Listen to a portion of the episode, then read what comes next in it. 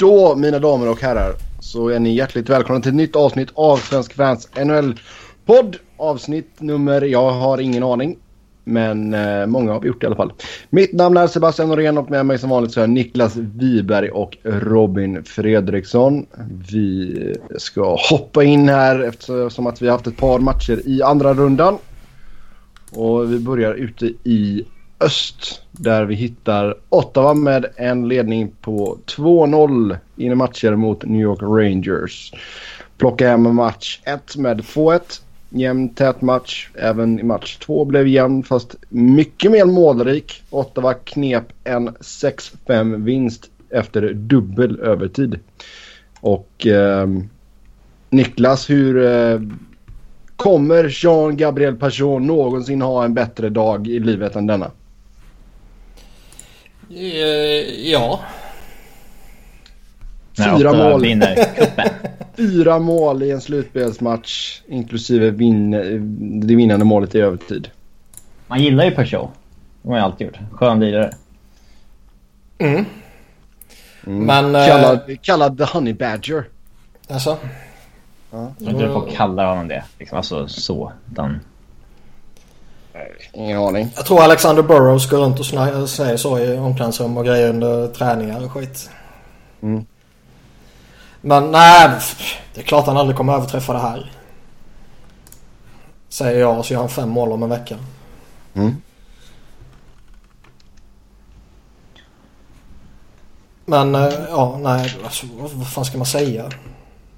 ja, dum fråga Sebbe. Ja. Men det känns väl som att det, ja. Det här är någonting man får med sig när man har den där flyten som man behöver för att kunna skrälla sig vidare typ. Mm. Om det nu är en skräll att Ottawa tar sig förbi Rangers. Om de nu skulle göra det. Men någonstans tycker jag väl att det kanske ska ses på det sättet ändå. Mm. Det är ju inte så jätte... Som vi sa efter första... När Toronto ledde mot um, Caps matcher. Alltså två matcher eller tre matcher. Det kan ju gå hur som helst. Mm. Det var ju tajta matcher bägge två. Det hade absolut lika gärna kunnat vara 2-0 till Rangers. Ja, fyra poäng som skiljer dem åt i grundserien så det är inga...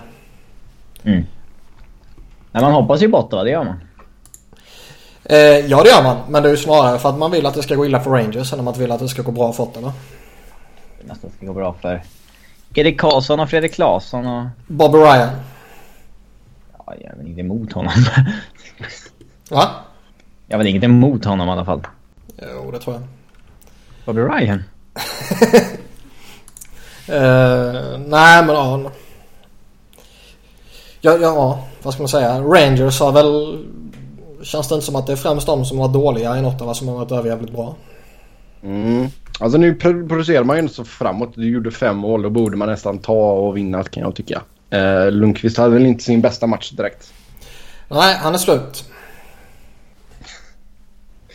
Ja, det, det vet jag fan. Men... Eh, Fast grejen är att, ah, nej, alltså det är ju bara skitsnack givetvis. Han är fortfarande en jätteduktig målvakt. Men det är nog få målvakter som man njuter av så hårt när de eh, har en riktig, gör riktiga skitinsatser. ja, men det är ju för att du är en skadeglad jävel. Ja det är jag. Jag är ond. Men... Eh, Du sitter Alltså- och hejar på The Empire när du kollar på Star Wars. Nej. gör inte alla det? Man kan ju inte sitta och heja emot Darth Vader liksom. Jo. Precis som att man hejar på den riktiga Karate-kidden i Karate kid Ja, just det. Han som kunde karate på riktigt, även om han var mobbaren. Ja. Herregud. Men... eh, nej, det, han har ju givetvis varit uh, sådär. Och I synnerhet den andra matchen. Men det är ju ett problem i övriga laget också. Det är ju inte bara han som har uh, satt dem i skiten. Nej. Sen är det klart alla, alla förväntar sig väl någonstans att Henke ska vara bättre. Ja. Och det ska han ju vara. Men eh, man kan ju fortfarande kräva betydligt mycket mer av rätt många spelare. Mm. Och det är liksom det här att Girardi får spela så mycket. Nick Holden får spela så mycket. Alltså, ja, det är ju så konstigt. Mm. Jag tycker det var lite, på tal om konstigt. Uh, efter ja, matchrapporten på NHL.com då var man jävligt tydlig med att uh, Peugeot är liksom den, den minsta spelaren i line-upen för Senators. Han är bara 5 foot 10 och 180 pounds. Um, jag vet inte riktigt hur mycket det spelar in direkt. Det är ju inte pyttelitet. Det är väl litet för att vara en hockeyspelare. Mm. Vad är det? 1,80? Ja, något sånt. Det är vad jag är ungefär. Det är inte litet, men det är ju litet för att vara en hockeyspelare. Mm. Ja, nej, vi får se. Han har fem mål än så här länge. På åtta matcher, så... Men jag tror inte han kommer överträffa den bedriften igen faktiskt. Alltså kan Sam Gagné gå in och göra åtta poäng så... Då är allting möjligt. Ja, vem, alltså... Sen beror på vad, vad menar du med överträffa? Är sex poäng bättre än fyra mål? Om det är väldigt många assist? Ja, det beror väl på hur de ser ut i så fall. Ser ut? ja men säg att han serverar, serverar sex mackor liksom. Då är det väl en grej än om man skulle få sex stycken andra assists liksom. Fast poäng som poäng. Mm. Nej, där vet du själv att du har fel Niklas. nu ska du inte gå ihop med Sebbe mot mig. Det ska vara tvärtom. Nope. Jag säger så här, primary assist är ju jävligt mycket mer värt än secondary assist. Oh ja. Jo, ja, det äh, vet jag ju såklart. Robin, vad ska Rangers hitta på för att vända detta? Ja, det är, alltså, det är ju ganska målvakt. otroligt att de, att de skulle börja matcha helt annorlunda och sånt där. Men det är väl... Det har varit jämna matcher. De behöver inte göra så mycket... Alltså... Åt det, tycker jag. Alltså... Visst, de är brygga, men... Eh, det är inte för att de har spelat jätte, jätte dåligt. Eh, men visst, det hjälper ju att spela dåliga spelare lite mindre. Mm. Uh, en grej som Vigneault kanske tänker på här är att uh, plocka ut Butch, Butchnevich ur line-upen och plocka in Tanner Glass istället. Ja, det är glassigt. Bu. uh, Nej, men alltså vad fan. Nu kommer ju säkert han gå in och göra mål bara för det Glass. Men om din, uh, om din grej är att sätta in han i laget så är det bara så tragiskt. Mm. Jag vet inte vad mer man kan säga om det. Nej. Om vi tittar på, på kedjorna som de hade på träningen på måndag. Då var det Stepan med Nash och Vasi, Sebeniad med Zuccarello och Kreider och sen eh, Kevin Hayes med Fast och Grabner och sen var det då Butchnevich och eh, Glass som splittade tid med Oskar Lindberg och JT Miller. Mm. Alltså jag har ju hellre ryssen för att han uh, kan eventuellt titta på något jävligt bra. Mm. Uh, han har ju inte... Varit någon revolution men... Nej och, och liksom han är ingen Conor McDavid direkt. Men han har ju fortfarande skills. Medan Tanner Glass har ingenting. Och visst jag vet att Tanner Glass gjorde det där jävla målet och så vidare men... Ja, jag förstår inte varför man överhuvudtaget överväger att göra det bytet. Om det inte är något fel på någon spelare, alltså skada eller sjukdom eller sådana saker. Då kan det vara en annan grej givetvis. Mm. Mm. Om vi tittar på Ottawa då Niklas. Um, finns det något hopp för Senators ifall man skulle tappa Erik Karlsson ifall problemen med foten blir för mycket? Alltså hopp har de, de leder ju 2-0 matcher. Ja. Eh, så att eh, de har ju det försprånget. Men de, har, de hade nog haft otroligt svårt att stå upp mot Rangers utan Erik Karlsson. För det är sånt... Som vi har sagt så många gånger förr så är det ju kanske det laget där det är mest tydligt när spelaren, deras bara... bästa spelare är på isen och inte. Ja, det är bara att titta på statistiken vad den säger när han spelar eller när han inte spelar. Det är till och med så att Edmonton klarar sig bättre utan McDavid än Ottawa utan Erik Karlsson. Mm. Alltså de minuterna när han inte spelar liksom. Det är sånt jäkla glapp ner utan Erik. Mm. Mm, nej, det kan bli svårt. Det kan bli svårt. Vi har... Um, har vi match tre här. Vad sa du? När? I natt? Ja, i natt. Okej. Okay. Mm. Mm. Vi går vidare då till den andra serien i Eastern. Det är Pittsburgh som har 2-1 i matcher på Washington efter att Washington vann match 3 i övertid. Uh, Kevin Chattenkirk gjorde mål där för att avgöra. Men den stora snackisen där var självklart att Crosby fick utgå Eh, efter att han blivit crosscheckad i huvudet av Matt Niskanen. Eh, lite tilltrasslad situationen då. Crosby blir... Eh, det är Ovechkin är det som är uppe och slår han på typ axeln nästan. Så liksom går det upp lite mot huvudet och sen så tappar han balansen och sen på väg ner så kommer Niskanen in och det Jag tycker i alla fall att det ser ut som Niskanen bara försöker skydda sig själv. Men det blir en crosscheck i huvudet. Niskanen får 5 plus match. Och uh, tror vi att Crosby åkt på ännu en hjärnskakning. Alltså det är ju, ja, dels är det ju oron över hjärnskakning och eventuell eh, nackskada för han saftar ju på rätt saftigt mot nacken också. Mm. Eh, men man ser ju också att han verkar få något problem med ett knä eller fot när han landar lite lustigt.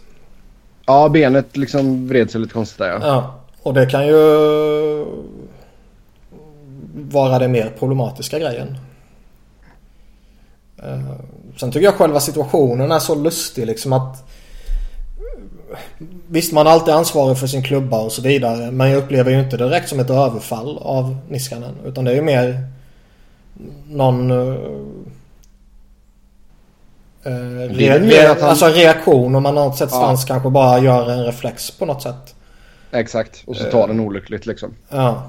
Sen är det väl, Nej. tycker jag väl fortfarande att det är en situation som ska rendera i någon form av bestraffning. Uh, på isen då så att säga. Alltså en utvisning. Mm. Om det sen är en minor eller major. Det är faktiskt svårt att komma fram till vad jag tycker. Mm. Ja, det blir fem plus matchstraff där då. Det blir, han kommer inte få någon avstängning eh, fick vi eh, nyheter om i morse. Så eh, jag tycker det är helt fair. Det, det som du säger, det ser mer ut att vara en reaktion när Crosby kommer mot honom så att säga. Han har ju inte mycket tid på sig där så det är ju ingen ill will eller intent på den. Däremot är det ju skoj att se eh, Pittsburgh media där alla går totalt bananas. Och Rob Rossi skriver ju något av det dummaste jag har läst. Och, mm, jag har sett ett litet quote. Jag har inte det framför mig nu. Okay. Men där han eh, ja, anklagar dem för att skada Crosby medvetet och eftersom Ovechkin inte kan besegra honom på isen så måste han ta bort honom och det där är så fult det han gör. Och liksom, precis som att Ovechkin har med telepatiska förmågor tagit över Niskanens kropp och eh, crosscheckar honom i, i nacken och huvudet liksom. Ja, han har alltså en sån liten voodoo-doll i Ja, och sen Dejan Kovacevic eller vad han nu heter var inne på något liknande och Mark Madden som jag kan misstänka var förmodligen inne på samma grej. Um, så det, ja, nej. Det känns bara som konspirationsteorier som svävar iväg alldeles för hårt. Och då är jag ändå en väldigt stor beundrare av konspirationsteorier för de är roliga. Mm. Men det här var att ta ett steg för långt. Ja, det kan jag hålla med om. Där de bör liksom, ja de hade team meeting senast och vad kom de fram till där? De skulle göra saker och helt plötsligt så skadar man Crosby. Ja. Eh, och så var det någon jo, som började vimla om det hela, var ju, det hela var ju bara en plan av att få ut honom liksom. Ja. Och sen var det någon som jag läste någon på Twitter, någon sån här kommentar liksom att ja äh, men de spelade med sju backar och då kan man ju fråga sig varför de gjorde det. Jo, de visste att en back skulle ta honom när läge fanns. Och så att de inte skulle tappa en back då så hade de sju ombytta. Mm. och jag vet inte, skulle jag eh, skulle jag gå efter Sidney Crosby så är det ju inte Matt Niskanen jag skulle skicka efter honom. Nej. Om jag är i Washington. Nej, det har du helt rätt. Verkligen inte. Alldeles för viktig pjäs. Jo. Mm. Ja, Robin, om Crosby blir borta ett tag nu då. Hur, uh, hur står sig Penguins utan honom? Man har alltså, ju trots har... allt en Malkin i hög form. Alltså, de har ju en historia av att alltid klara sig väldigt bra utan honom. Det du säger är att Crosby är väldigt överskattad alltså? Ja, visst.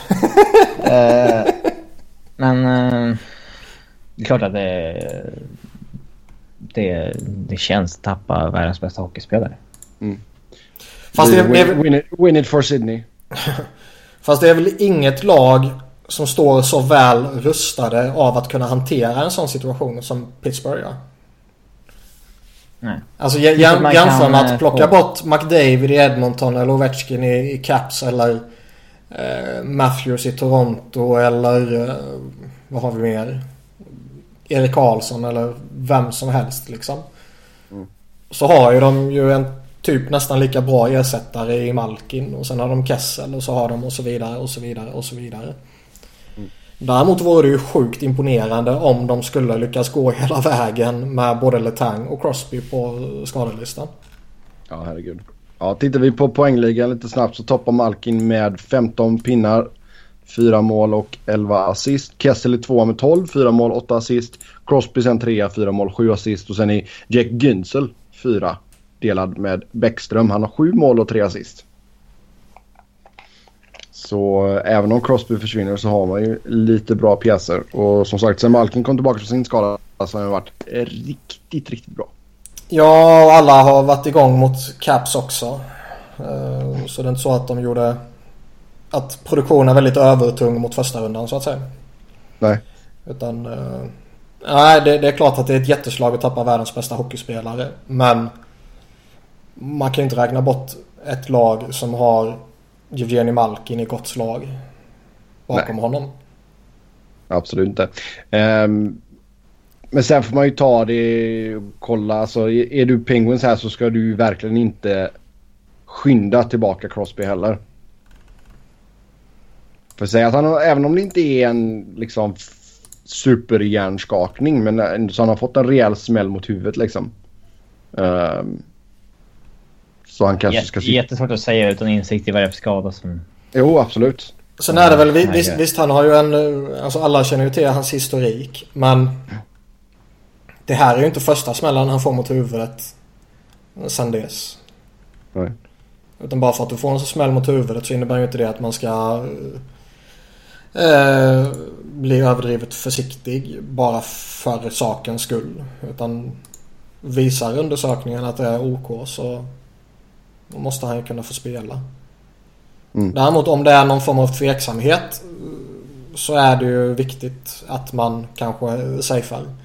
Och där har vi ju sett att ligan genom åren är jävligt dålig på att hantera sådana situationer. Ja. Eller att man till och med får eh, besked från läkare att eh, nej han är inte i speldugligt skick men så spelar man honom ändå. Och, och liksom hamnar vi i ett sånt läge så är det ju direkt problematiskt. ja. Vad har vi att säga om eh, Capitals så här långt i den här matchserien då? Eh, alltså jag tycker inte de varit dåliga. Och Ovechkin får ju lite skit men han har ändå gjort fyra poäng på tre matcher.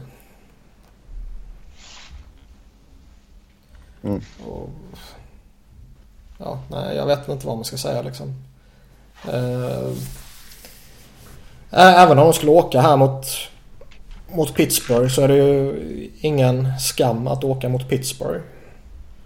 Eh, utan det är ju det här är väl den moraliska konferensfinalen om man säger så. Mm. man ska ta... Jävlar vad folk blev lackade när vi kallade den det för några- något år sedan eller två. Vad sa du? Det var någon som blev skitarg när vi kallade eh, någon konferensfinal, konferensfinal för den riktiga finalen för något år sedan. Fan vad gött. Det var när Rangers gick till final och det var den andra konferensfinalen som var den riktiga finalen. Var Mm. det Kings, Kings Blackhawks eller något sånt där? Ja, det kan Ja. Då vet, jag, då vet jag att vi har sagt det tror jag. Ah, jag vet inte om det var det. Ja, kan ha det. Ja, ja. Oavsett, oavsett. Um, Kul med hat. Kul med hat, kul med hat. Över i Western Conference hittar vi Nashville med 2-1 i matcher över St. Louis. Eh, första punkten här är hur kan folk tycka att Nashville spelar tråkigt? Niklas, jag vet att du har en uh, gripe med folk för detta. Vad hade jag? Gripe. Gripe. Vad fan är det? Ja. En beef? Ja, en beef, exakt. Eh, jag har inte någon beef med någon. Men jag tycker det är lustigt. Ehm, jag tycker inte de spelar överdrivet tråkigt defensivt. Att man bara ställer upp och styrspelar och sådana här trams liksom.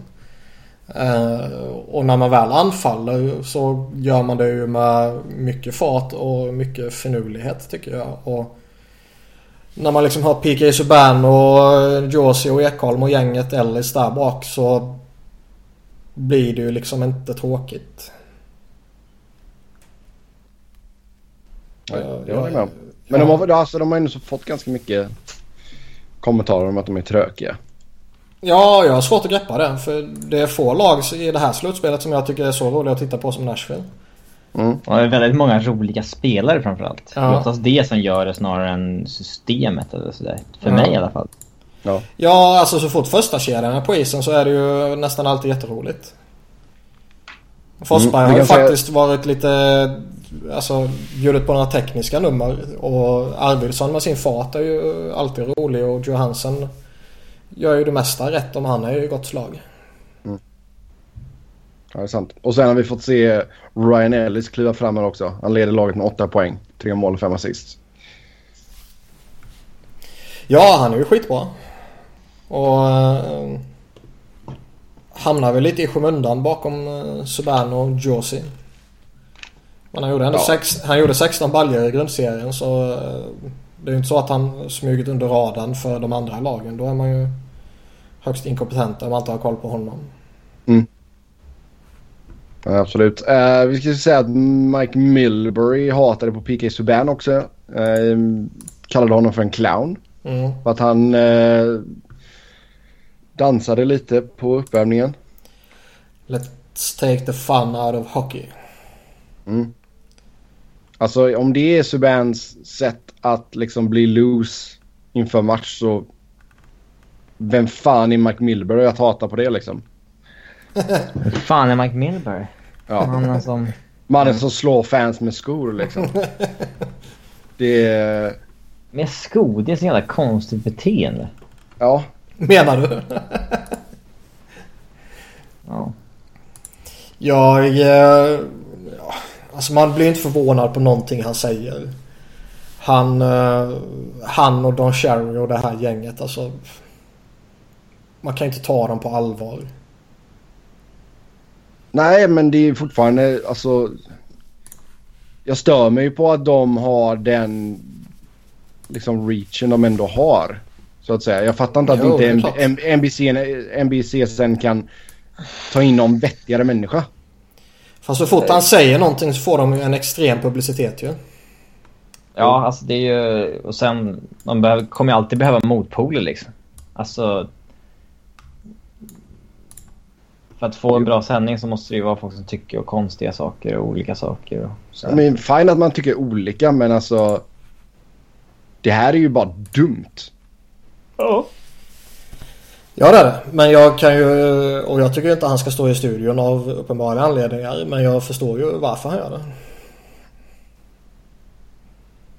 Mm. Han är NBC's Donald Trump. Mer eller mindre. Sen tror inte jag att Pickes vän gillar blanka fan i vad Mike Milbury tycker om honom i och för sig. Ja det gör väl alla. Men Så det, det påverkar ju inte Nashville någonting. Men eh, ramaskri blev det och eh, det var väldigt många som tyckte Milbury var ute och cyklade och det ställer vi oss bakom att han var. ja det är klart. Mm. Eh, Efter att Nashville plockade match 1 med 4-3 så slog Blues tillbaka, vann 3-2 andra matchen och sen nu senast i match 3 så vann Nashville med 3-1. Ehm, Predators tappade ju Kevin Fiala. Eh, bröt benet. Hur, eh, hur påverkar det dem? Han är en jättelovande och spännande spelare som har tagit stora kliv eh, senaste tiden men eh, det är inget som är skillnaden på eh, de går vidare eller inte. Nej. Idag i alla fall. Två mål på fem matcher blev det för honom. Eh, en spelare som vi kanske borde förvänta oss lite mer av det är väl James Neal. Än så länge har det bara blivit ett mål en assist. deal Neil. Ja, är han det fortfarande? Ja. Fast han har ju, han är ju fortfarande en duktig målskytt och, och hela det här köret. Men han har ju... Det, någonstans känns det som att man fortfarande har en bild av honom som en 40-målsskytt. Mm. Och att det är någonstans där man nästan förväntar sig att han ska vara. Men det är han inte längre. Nej, det var ju på grund av, eller på grund av tack vare väldigt, väldigt, väldigt, väldigt bra centrar som har ja. 40 målsskytt. Ja. Förra året gjorde han ändå 30 baljor och det är ju bra i den här ligan. Mm. Uh, och har ändå gjort uh, hygglig produktion när han har missat några matcher här och där. Så jag tycker ändå man ska ha relativt stora krav. Men det var många år sedan han gjorde de där 40 baljorna. Jo, men framförallt så vill man bara att han ska vara lite mer framträdande i ett slutspel också. Jag vet inte, när var senaste gången han satte ett riktigt avtryck på ett slutspel? Eh, ja. Det var väl när han eh, knä Flyers-spelare i huvudet och sådana där saker. Eller hur menar du? Jag tror att jag ska titta tillbaka. 12-13 då hade han 6 mål och 4 assist på 13 matcher. Men det är inte dåligt att göra 4 plus 4 i fjol. Det är väl helt okej. Ja. Och fyra mål på sex matcher året innan. Men nu har det bara blivit ett, är... ett mål och en assist på sju matcher. Det är inte tillräckligt bra. Jag tycker du är snett ute. det tycker, tycker jag inte. Jag tycker man kan förvänta sig mer av honom. Ja, det tycker jag. Men eh, tidigare år har han ju inte varit kass. Nej. men lär... nu snackar vi, nu, snackar vi nutid. Ja, men det lär som du ville måla upp ett mönster. Verkligen. Nej, det vet jag inte. jo. Det vet jag inte.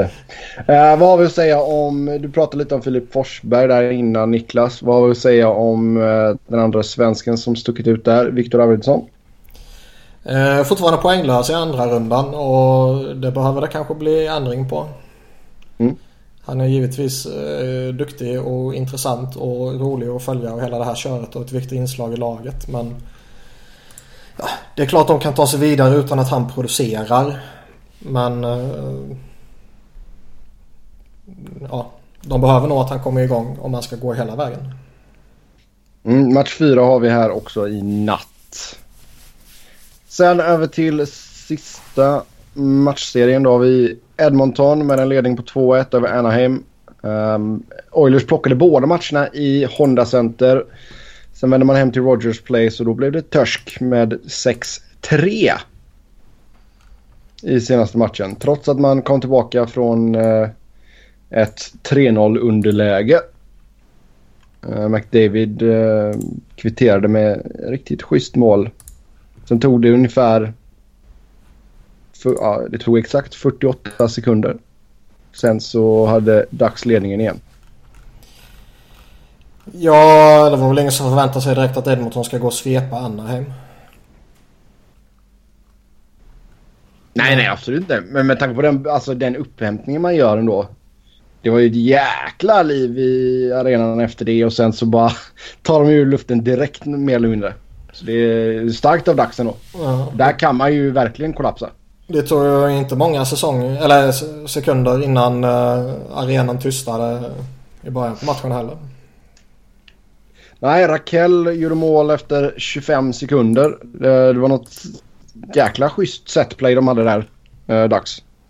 Mm, Variant. Cogliano vinner teckningen och sticker iväg och byter i den ena änden av båset. Och pucken går till Getzlaff i sarghörnet som flippar iväg den till Silverberg. Eller förlåt, Raquel som uh, hoppade in från andra sidan av båset typ. Mm.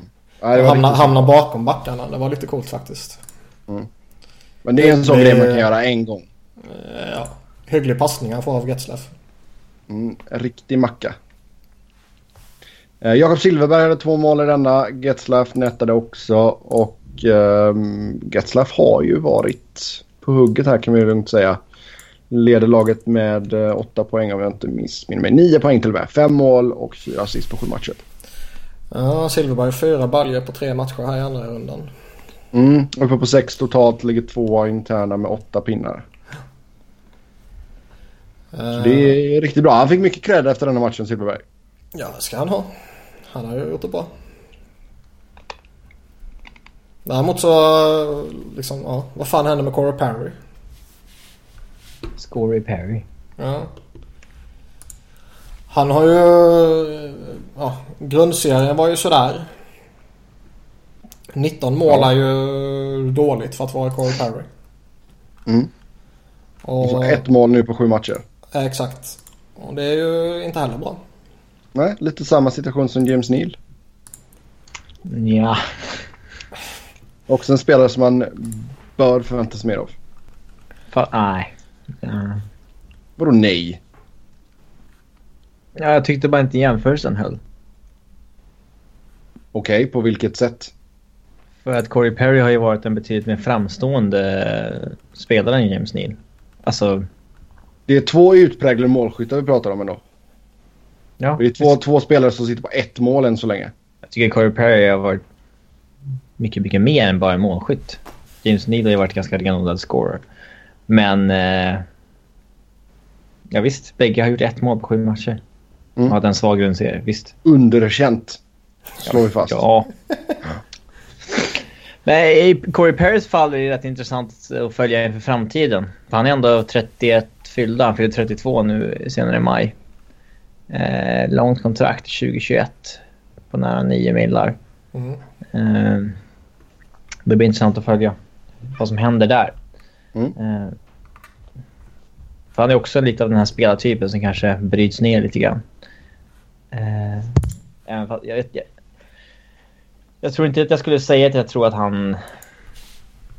Jag skulle inte bli förvånad om han gjorde 35 bal- baljor nästa år igen. Han, då, låg skottprocent och så vidare. Men... Mm. Eh, det är intressant att följa honom. Ja. Niklas, hur tycker du uh, målvaktsmatcherna har slått ut än så länge mellan Edmonton och Ducks? Talbot hade ju ingen vidare match nu i senaste. Sex inslag på 28 skott. Båda två känns väl som målvakter som kan variera sig rätt saftigt. Och eh, det finns ju en osäkerhetsfaktor över båda två. Även om Cam Talbot har gjort väldigt mycket bra den här säsongen och John Gibson är en väldigt lovande målvakt.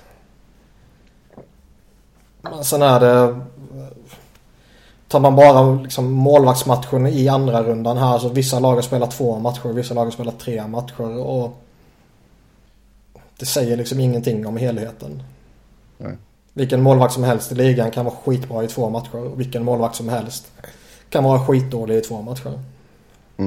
Eh, Jag såg en tweet också om att uh, Ducks spelade med eh, en helt egen draftad backlinje. Alla under 25 år eller 25 år och yngre. Hur mycket cred ska man ha för sin scoutingverksamhet där? Ja, eller är det bara flyt? Ja, det beror ju på om man är en negativ människa som dig eller om man är en positiv människa. Ja, då har man flyt. Ja, nej men ganska starkt drag får man ju. Fast grejen är att en backbesättning där Kevin Bjäxa ingår och han har fått no movement-klausul och kontrakt innan han spelade en eh, sekund för klubben och så vidare. Det är ju inte... Det drar ju ner betyget liksom. Jo. Jo, de har gjort lite konstiga grejer också. Det får man ge dem. Sen är det klart att har du Lindholm och Vatanen och Fowler och Theodore och Manson och Montour och, och det där liksom så är det ju... Det är ju bra spelare rätt igenom. Medan Edmonton har det lite sämre ställt där. Mm. Ja, sen har vi, om vi tittar lite snabbt på Oilers. Eh, Dreisaitl leder laget där, åtta pinnar. Eh, McDavid är tvåa med sex poäng. Tre mål och tre assist. Han måste höja sig. Ja, varför hatar du inte på honom för? Fan, jag sitt första slutspel. Haha. Tycker ändå så tre, tre mål och tre assist var väl... Det är godkänt är det. Men eh, det, det krävs väl att han fortsätter att spela. Alltså det målet han gör är ju fenomenalt. Och det, det kommer ju vara han som liksom tippar över vågen om det är Oilers som går vidare. Det är ju ingen snack om saken. Så, Fast det är ju fortfarande så fascinerande att han har gjort så lite 5 mot 5. Jag tycker inte han har varit dålig prestationsmässigt men produktionsmässigt måste han ju göra mer. Mm. Och, och liksom... Milan Lucic har inte varit bra. Jordan Eberle har inte varit bra. Uh, Nugent Hopkins har inte varit tillräckligt bra. Och liksom ändå står de här i gott slagläge. Mm. Ja, det är sant. Finns lite mer att hämta där tycker jag. Mm. Framförallt av eh, en spelare som Lucic. Ja, allihopa är ju skickliga spelare. Han ska ju vara, han ska ju vara en sån liksom uh, playoff warrior liksom. Kan vi få se det nu? Ja, det var en av anledningarna till att man plockade in honom. Dels skulle han vara lite polis åt McDavid och sen skulle han komma med erfarenhet och tyngd och rutin och been there done that eh, känslan. Mm. Och det har han väl inte riktigt gjort.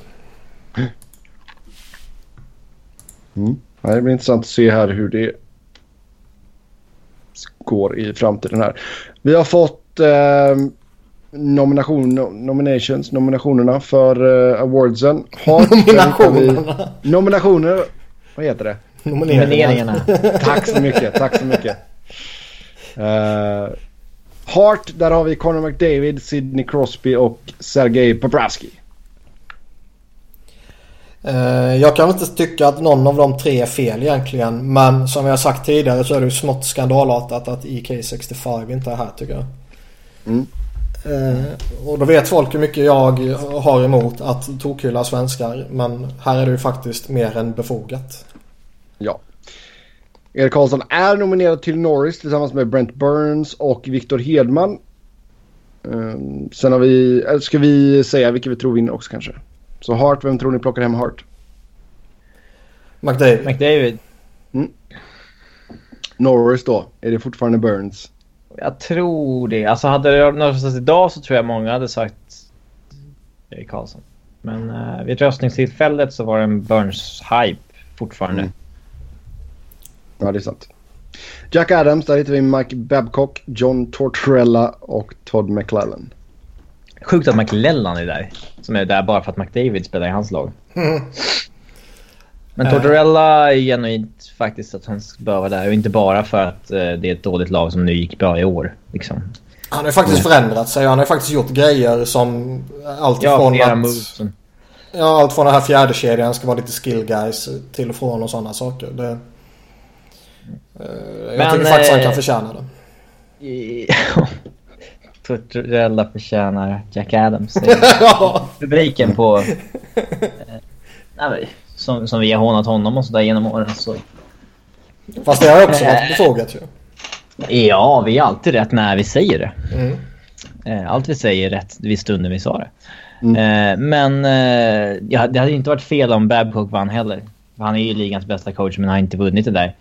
Men samtidigt ska man inte få priset retroaktivt heller. Så var det också konstigt om han vann bara för att han råkar vara i Toronto i år. Liksom. Mm. För att han har spotlighter på sig där. Ja, det är sant. Mm. Sen Calder, där har vi Austin Matthews, Patrik Laine och Zach Wierenski. Väntade nomineringar. Mm. Eh, Nominationer. Eh, Ja, exakt. Nominationer. Eh, det blir Austin Matthews där va? ja, Ja. det tror jag. Li- Lina-hypen dog ju av lite mot slutet känns det som. Och, Ja, det eh, gäller att vara het när det ska röstas. Uh, Varensky, även om han gjort en supersäsong så känns det inte som att han är lika hypad som de två andra. Nej. Nej, det är helt rätt. Jag, jag tycker egentligen tycker väl jag att det är lite dött lopp mellan alla tre om man bara pratar till prestation över säsongen. Mm. Men hypen som finns kring Matthews och Toronto gör väl att han bör ta hem det relativt smärtfritt kan jag tycka. Sen har vi Vesna. Då har vi Braden Holtby, Sergej Bobrovsky och Carey Price. Bob bör väl kunna få Bob det. där. Men eh, samma sak här. Jag tror nog det är rätt jämnt mellan dem. Om man pratar eh, faktiska prestationer. Ja. Holtby och Price är väl lite sexigare namn i och för sig. Ja, men du har ju hela det här med Columbus. De gick upp där och man gjorde det tack vare Bobrovski och han bar laget och bla bla bla. Den, det snacket. Det kan nog bara rätt Mm. långt i sina nominationerna. Absolut. Uh, Selkie, där hittar vi Patrice Bergeron. Wow. Chocker. Eh, Ryan Kessler och Mikko Koivu. Säger som jag sagt tidigare, Bergeron är bäst på det här. Han bör vinna. Ja, döpa om priset helt enkelt. Sen är det väl lite... Ja. Sen är det väl Ryan Kessler. Skulle mycket väl kunna fått det här utan någon som helst konkurrens om det skulle delats ut efter typ två månader eller vad det nu var hans formtopp sträckte sig över. Mm. Då var han ju så extrem hypad så det fanns ju inte. Han hade massa flyt och gjorde massa mål där i början. Sen gjorde han inte ett skit efter det. Ja, det är sant. Mikko Koivu är ju duktig på det mesta men... Man, ja, jag är lite förvånad att han är nominerad överhuvudtaget. Han är, så, han är inte dålig, det är inte det jag menar men... Han är liksom osexig. Mm. Ja. Men som sagt, Bergeron bör vinna. Mm. Då går vi in på draftlotteriet som vi hade här häromdagen. Och eh, vi säger grattis till New Jersey Devils som fick första valet. Philadelphia Flyers hamnade på andra och Dallas Stars på tredje. Eh, Suck it Colorado. ja, Colorado 4, Vancouver 5, Vegas 6, Arizona 7. Sen har vi Buffalo 8, Detroit 9 och Florida 10.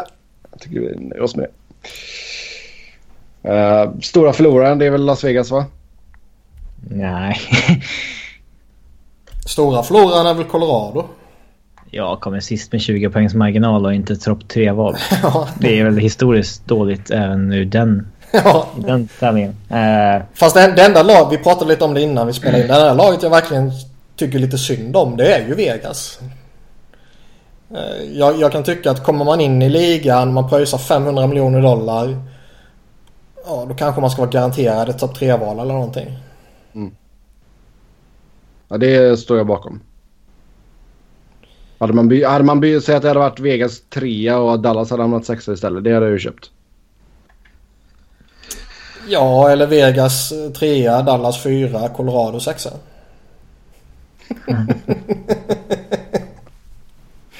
Ja.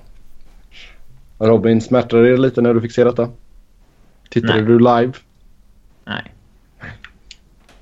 Rätt. Du har gett upp Alltså, jag, tycker, jag tycker inte att det... Jag tycker inte att det ska belönas att vara så jävla usla som de har varit. Heller så att... Eh, nej. Jag gillar ju det här att lagen kan... Eh, att alla lag som bommar slutspel kan få första valet. Mm. Men det är ju lustig slump typ att tre lag lyckas hoppa upp samtidigt. Ja. Absolut. Om vi tittade på deras odds inför eh, lotteriet då så hade Devils hade ungefär 8,5 procent. Flyers 2,2. Dallas 5,8. Så det var ju hyfsat låga odds allihopa där. Ja, och Jag kan ju fortfarande titta på den jävla videon när de genomför lottningen och man blir ju fortfarande lite chockad när man ser Winnipegs skylt komma upp. För de sekunderna det tar innan man fattar vad det innebär. Eh, var ju några lustiga sekunder. Mm. Hur glad blev du på en skala? Jag kan ha väckt mina grannar. Okej, fint. Eh, och, alltså grejen att för Philadelphia är ju det här jätteviktigt. Vill man Det är, höra... ingen, det är ingen revolutionerande draftår men eh, det kommer ju fortfarande inte vara en draft där liksom... för Nej, men- först inte är bra. Liksom. Nej, topp två-spelarna Nolan Patrick och Nico Hischier kommer ju förmodligen bli väldigt bra. Sen är det ingen McDavid man får. Men jämför man vad du får etta eller tvåa med trettonde valet. Och så är det ju en extrem förbättring. Och ja, vill, vill man ha lite längre utlägg så kan man ju lyssna på Flyers-podden som jag spelade in igår. Där vi nörda ner oss i Philadelphia liksom. Men lite kort sammanfattat bara så det stora problemet som vi har pratat om tidigare också med Philadelphias framtid är ju glappet mellan där de unga målvakterna och backarna kommer in i ligan, etablerar sig och blir bäst. Hur det synkar med Giroud och Voracek och Simmons eh, kvarvarande eh, toppnivå om man säger så. Och där någonstans kände man tidigare att ja det kan vara alltifrån noll säsonger till två, tre, fyra i absolut bästa fall. Och att man inte riktigt hade... Man var ju väldigt baktunga i prospectpoolen. Så tillvida att det var målvakter och backar som, som fanns där. Och nu har man ju fått den naturliga arvtagaren till Claude Giroux. Förmodligen. Mm. Uh, hur tror du att det kommer att gå då? Vem tror du Devils är mer sugna på? Nolan Patrick eller Nico Hischier? Jag vet inte. Jag får en känsla att de vill ha Patrick men... Uh... Känns det inte som en draft där det kanske sker rätt många underliga saker också? Alltså det är, det är inte den här tydliga ettan sen tvåan utan det känns som att många har vissa spelare lite all over the place. Fast jag tycker väl ändå att ettan och tvåan borde vara tämligen givna för alla. Ja, jag har inte satt mig in i draften så mycket men det är inte känslan jag får när man läser vad folk tycker och tänker om många överallt. Alltså, jag får precis tvärtom känsla. Att alla är överens om topp två och sen är det huller om buller. Mm. Ja, vi får se. Där är jag redo att hålla med dig. Um... Och liksom vem man... Vem man alltså jag, jag, jag tycker det är svårt att välja Alltså å ena sidan så tilltalas man så extremt mycket av Nolan Patrick för han är den här stora, skickliga, kraftfulla centern som är bra på allting. Det är många varningsflaggor kring honom. Ja. Alltså jämfört uh, med en vanlig första valspelare. Så, så är det. Alltifrån det här absurda att han inte tycker om vare sig pizza eller choklad. Det gör att man direkt blir väldigt suspekt inställd till honom. Mm. Mm. Till att det går något rykte om lite character issues. Till att han uh, har en skadehistorik som är oroande. Och det är inte bara denna säsongen utan det är ju flera säsonger tillbaka där han haft lite ja, olika problem helt enkelt. Ja. Uh, vi kan säga att Adam Kimmelman på NHL.com drog ut en mockdraft här efter och då han, där sätter han Patrick i Devils, Hischier i Philadelphia. Um, Casey Middlestad i Dallas och eh, Colorado tar Miro Heskinen. Mm. På ett sätt kan jag ju tycka att det är skönt att man inte har första valet och måste göra valet mellan de här två. Utan man får första valet och så tar man den som blir över så att säga. No regrets. Ja. Eh, personligen så är jag lite hetare på Hischier. Men det känns väl förmodligen som en effekt av att man har sett han i typ JVM. Det har man inte gjort med Patrick. Mm. Nej, det blir intressant att se här. Men de två känns ju som du säger Niklas. Det känns ju som att de kommer gå etta tvåa. Ja, det tror jag. Och det alltså... Patrick känns ju... Han, han kommer spela center i NHL. Det är jag rätt så övertygad om. Men Hischier känns som att han lika gärna kan bli en winger. Mm. Eller back. Ja. Nej men jag vet inte. Han... Ja. Första intervjun med GMen. Vår plan är att gå om som back. Exakt. Bredvid, bredvid där. Jaha. Men uh, han kan jag lika gärna se som, som winger i framtiden som, som en center. Medan Patrick verkligen känns som, ja han är tokgiven som center. Mm. Jo. Jag tycker inte att position ska uh, betyda något liksom. Men det kanske kan påverka uh, Devils på något sätt. Mm. Ja, där är man väl lite mer behov av att få fram en riktigt bra center. Scott Darlings rättigheter skickades till Carolina i utbyte mot ett tredje rundsval. Ja. Vad innebär det för uh, målvaktssituationen i Carolina? Man har ju Edelek och Cam Ward. Vem får lämna där? Känns som det är skitsamma. Mm. Men detta är Darlings chans att bli första målis i alla fall. Det Ja... Lite likt som när Cam Talbot hamnade i Edmonton. Eller så känner han att vad fan ska jag spela i det här skitlaget för? Och så blir han UFA. Kanske. Mm. Eh, Ward har ett år, 3,3 miljoner och eh, Leck har ett år kvar också, 2,75. Jag tycker alltid det, det, är alltid det är en rolig chanstagning man tar när man tar in en sån här målvakt. Eh, som Darling då som har gjort det väldigt bra i ett väldigt bra lag. Alltså vi såg ju Jones i Sharks och, och Talbot i Edmonton till exempel. Eh, som ju man får säga har fallit väl ut. Mm. Och nu är det ju Darling som är näst på tur och så kanske det är Ranta i Rangers också. Och det är en rolig chanstagning man tar. För det är ju långt ifrån säkert att Scott Darling kommer hantera rollen som första målvakt med bravur. Ja, det är sant. Han är verkligen... Det har vi, eller vi har väl inte pratat om det så jättemycket innan men det har ju snackats verkligen mycket om hans resa till NHL. Ja, den är ju cool och häftig och beundransvärd och så vidare och så vidare. Eh, Men jag säger som jag brukar säga liksom, Ray Emery gjorde jättefina siffror i Chicago. Mm. Och han var inte bra annars, eller? Nej, du såg väl när han kom till Philadelphia? Ja, ingen målvakt är bra i Philadelphia.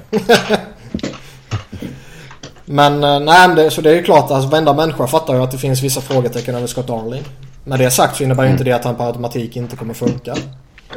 Nej. Utan det är en rolig chansning och det kanske är Carolinas mer eller mindre enda chans på att få en, eh, en riktigt bra första målvakt.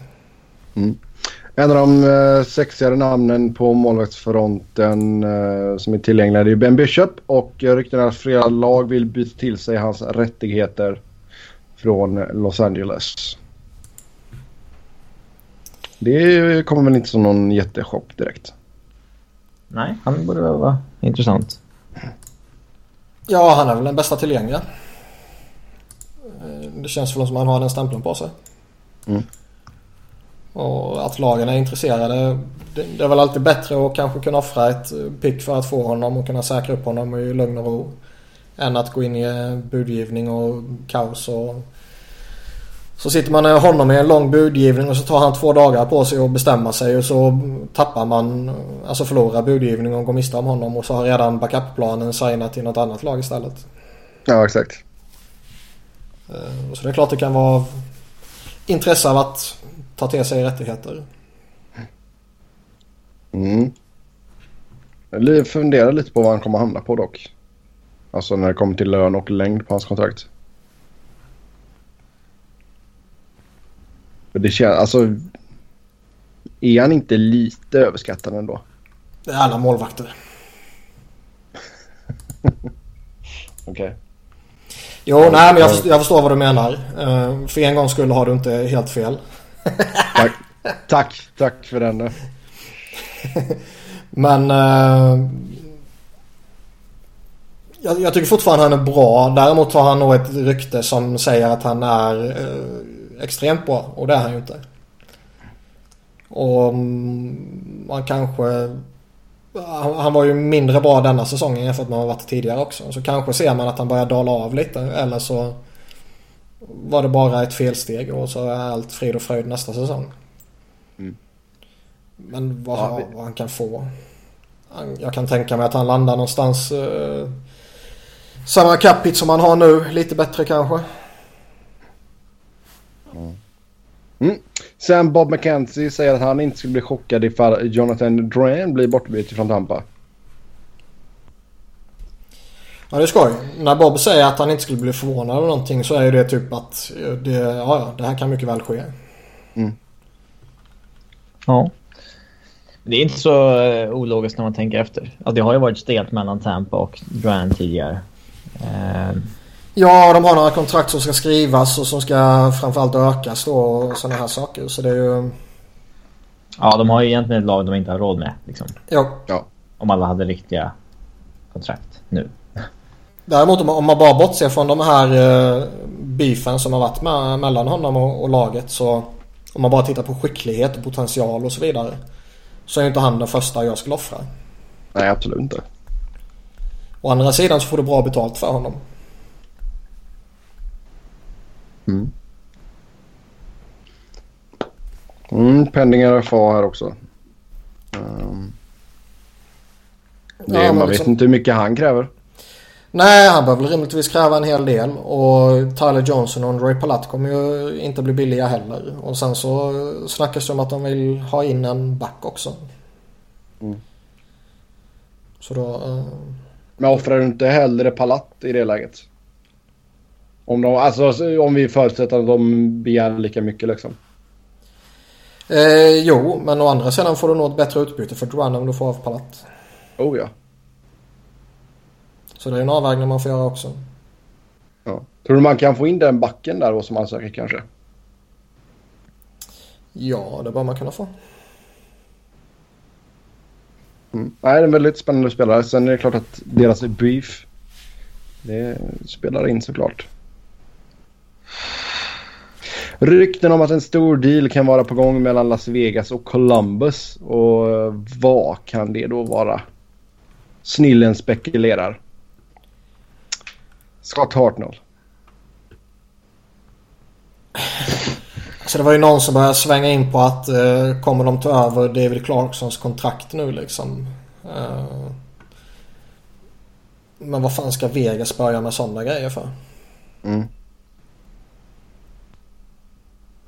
Det vet jag inte. Det är väl bättre att ha pengarna uppbundna i någon som kan spela.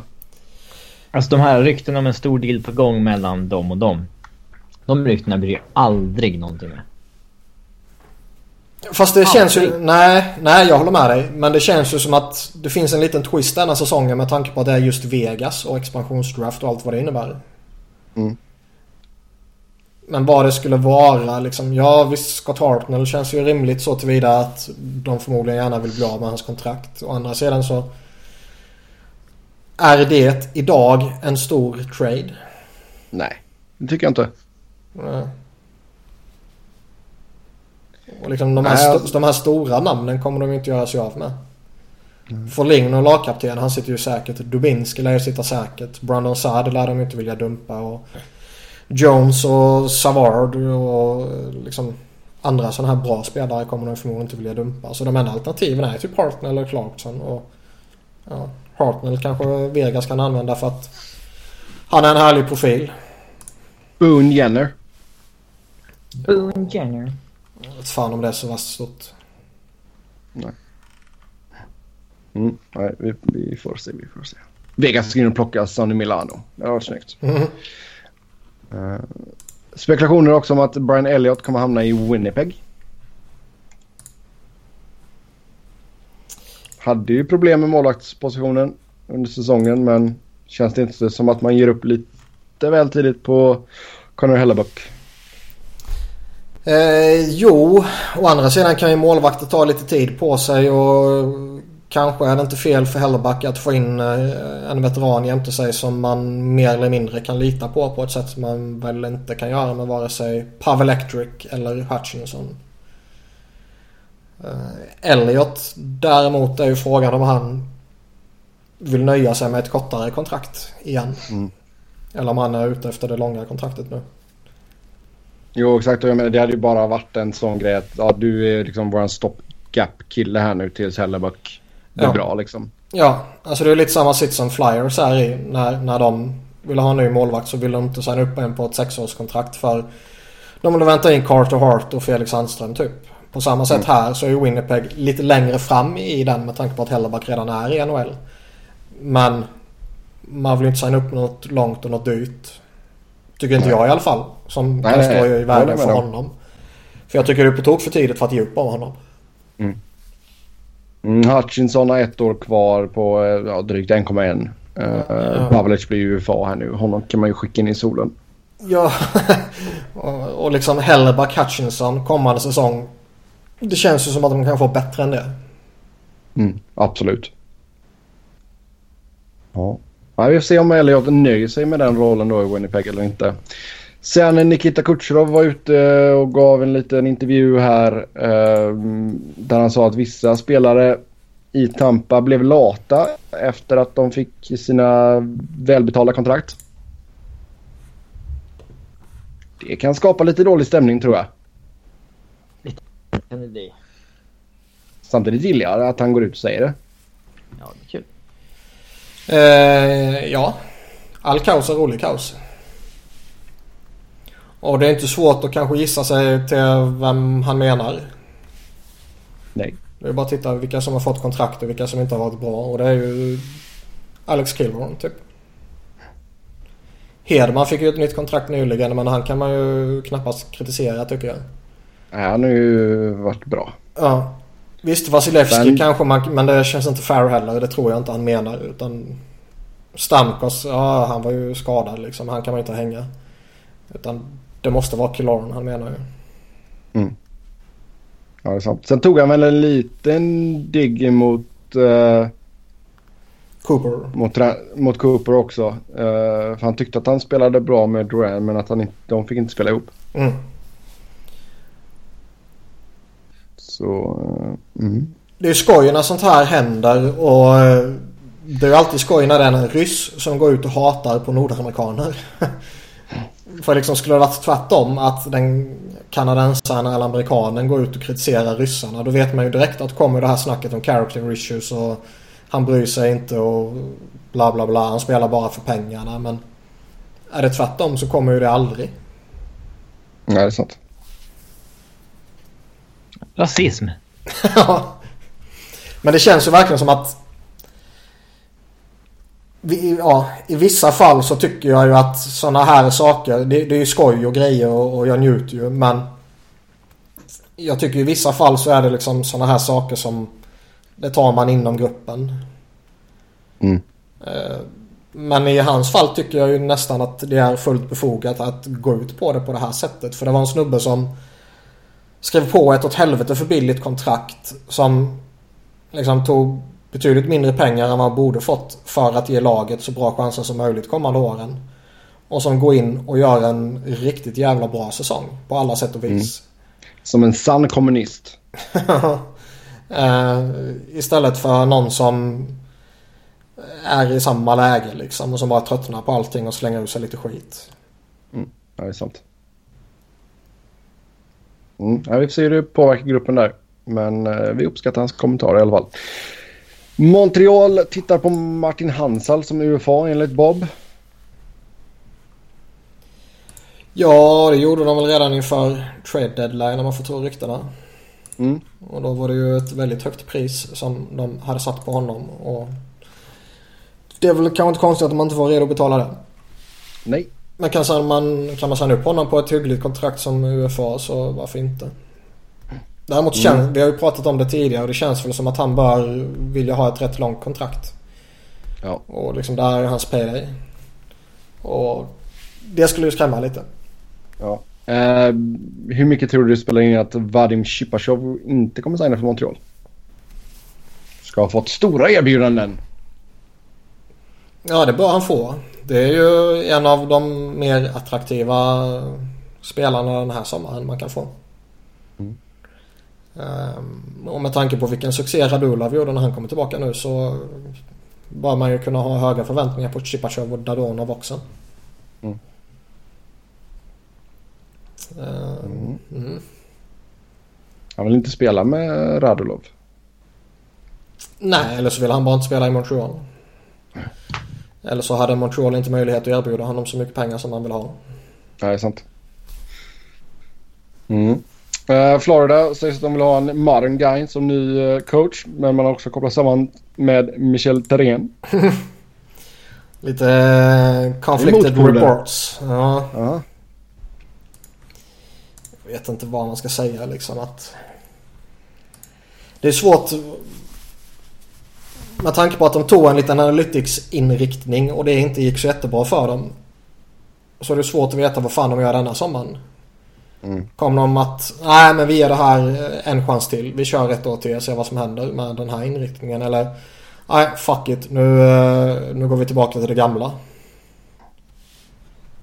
Det, jag har inte sett något om det och när det ena dagen sägs att de vill ha en modern day guy så känns det som att ja, ja, då kommer de fortsätta med det där. Och sen så nästa dag så kommer det Therian-rykten och då känns det ju direkt som att jaha, då går vi tillbaka till det gamla.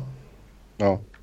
Jag skrev det till Simpan när det här blev på Twitter att det känns som att ja, Det är någon typ George Costanza hos Florida nu som bara, We will do the opposite. ja, det kan nog ligga mycket i det. Och sen är det väl någon som... Eh, alltså har man petats bort på det där sättet och så kommer man tillbaka igen. Då känns det som att... Då vill man göra någonting tvärt emot vad de andra gjorde verkligen. Ja, exakt. Så det, det kan nog bli något sånt. Så det var ju lite skoj på ett sätt. Tråkigt på ett Sen- annat sätt för jag gillade verkligen den inriktningen som Florida tog där. Jag tyckte man gjorde väldigt många bra saker och eh, fick tyvärr inte ut något av det. Sen snackas det om att Brian Campbell inte återvänder till Chicago. Ja, det är väl inte jättekonstigt heller. Eh, gammal och var väl inte superduper bra direkt. Nej. Men väl värd en och en halv miljon kan man säga. Ja, det tycker jag. Men eh, å andra sidan kanske han känner att eh, nej, jag vill ha lite pengar till innan jag slutar. Och det kan jag inte få där. Nu sa han inte att det var Chicago eller retirement. Ja, det har jag missat i så fall. Han sa det när de åkte ut i alla fall. Ja, Mm. ja det har jag Det missat. kan, det kan ju ändrats. Ja. Det kan jag absolut ändrat. Men ja, jag är också... Ja. Jag är lite förvånad att de inte, om de inte vill ha honom liksom. Om han säger så, då borde man ju kunna få honom till filmpris igen. Ja. Jo. Typ som McGinley nu som har flyttat till Boston. Om Boston vill ha honom. Om han vill spela hockey. Då har ju Boston ganska nej, bra chans att få in honom på ett jävligt billigt kontrakt. Oh, ja. Eh, och det kan det ju vara värt. Alltså även om han är gammal och trött liksom. Jo, jo, helt klart. Mm. Då går vi in på uh, veckans lyssnarfråga. Plocka ihop eran favoritfemma plus målvakt i era favoritlag under åren ni följt era lag.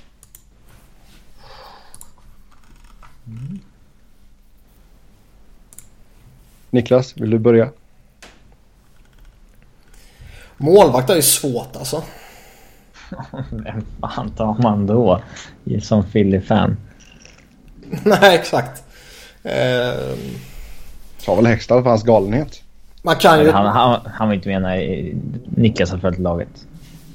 Jo, han var med där lite i mitten, slutet sluta. 90-talet. Men jag, jag kan inte påstå att jag har något superminne av honom så ju. Ja, men han får ju inte ta med. Eh, man kan ju ta Bryskalov för comedic effects liksom. Men det talar ju emot all rim och reson liksom. Så vilken jävla målvakt man ska ta vet jag inte. Den bästa har väl ju varit Steve Mason. Mm. Om man tar de senaste 20 Men, åren. jo, men alltså nu är det bara din, din favorit. Det behöver inte vara att de har varit bäst. Nej. Så jag menar, är, är Bruce Gallov din favorit på grund av den komiken han bistod? Nej det är han Ja, för fan Gallov. inte. Herregud usch nej. Och då är, ju, då är ju Ray Emery igen. Ja för fan han glömde jag. Ray Emery. Mm. Hur kan jag glömt han? Han är ju tokgiven. Herregud. Uh, försvaret är ju svårt. Jag har ju tre stycken. Det är ju Eric Desjardins som är liksom, han är så jävla bra. Och sen Kimmo Timonen som är lika bra och sen Chris Pronger som är Chris Pronger. Men Desjardins kommer jag ju aldrig någonsin peta i ett sånt här lag så han är ju självskriven. Så valet står mellan de två andra. Och jag landar nog ändå på Timonen.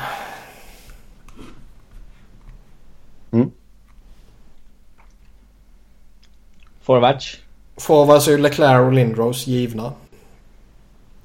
Och... Gillre eh, som tredje då eller? Nej, Juro eller Gagné. Jag landar nog i Gagné ändå.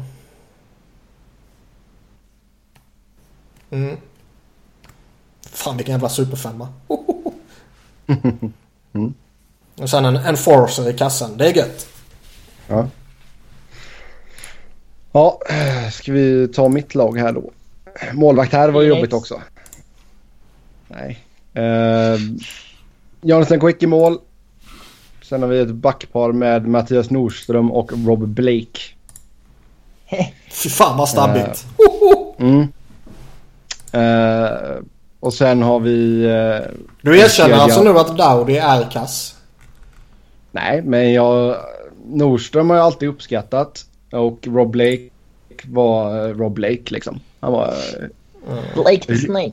Ja, riktigt bra. Trots att han uh, smuts, pissade på Smutsade han ju ner karriären med att spela för Sharks grejer, men det är en annan femma. uh, sen har vi en uh, excellent uh, forwardsuppsättning med uh, Wayne Gretzky, Anze Kopitar och Luke Robitaille. Sicken kedja! Nej, jag tycker den känns rätt B. Kissat in poäng. Kissat? Gretzky var ju slut och Lucky Luke har ju bara tur. Det hör man ju på namnet. Och Kopitar är ju överskattad. ja, frågan är om inte slut. Har vi tagit ut, har vi tagit ut våran sån här least favorite någon gång? Det har vi gjort va? Ja, det har vi. Ja, jag tänka mig. Välj hatspelare innan laget typ. Ja. Det låter som något vi har gjort i alla fall. Ja. ja. Robin? Vilka är dina favoritspelare från de tre åren du följt Colorado? alltså det blir fel om jag ska sitta och... Ja, alltså... Perioden när jag har sett åtminstone så hälften av deras matcher per säsong, det är från typ 2011.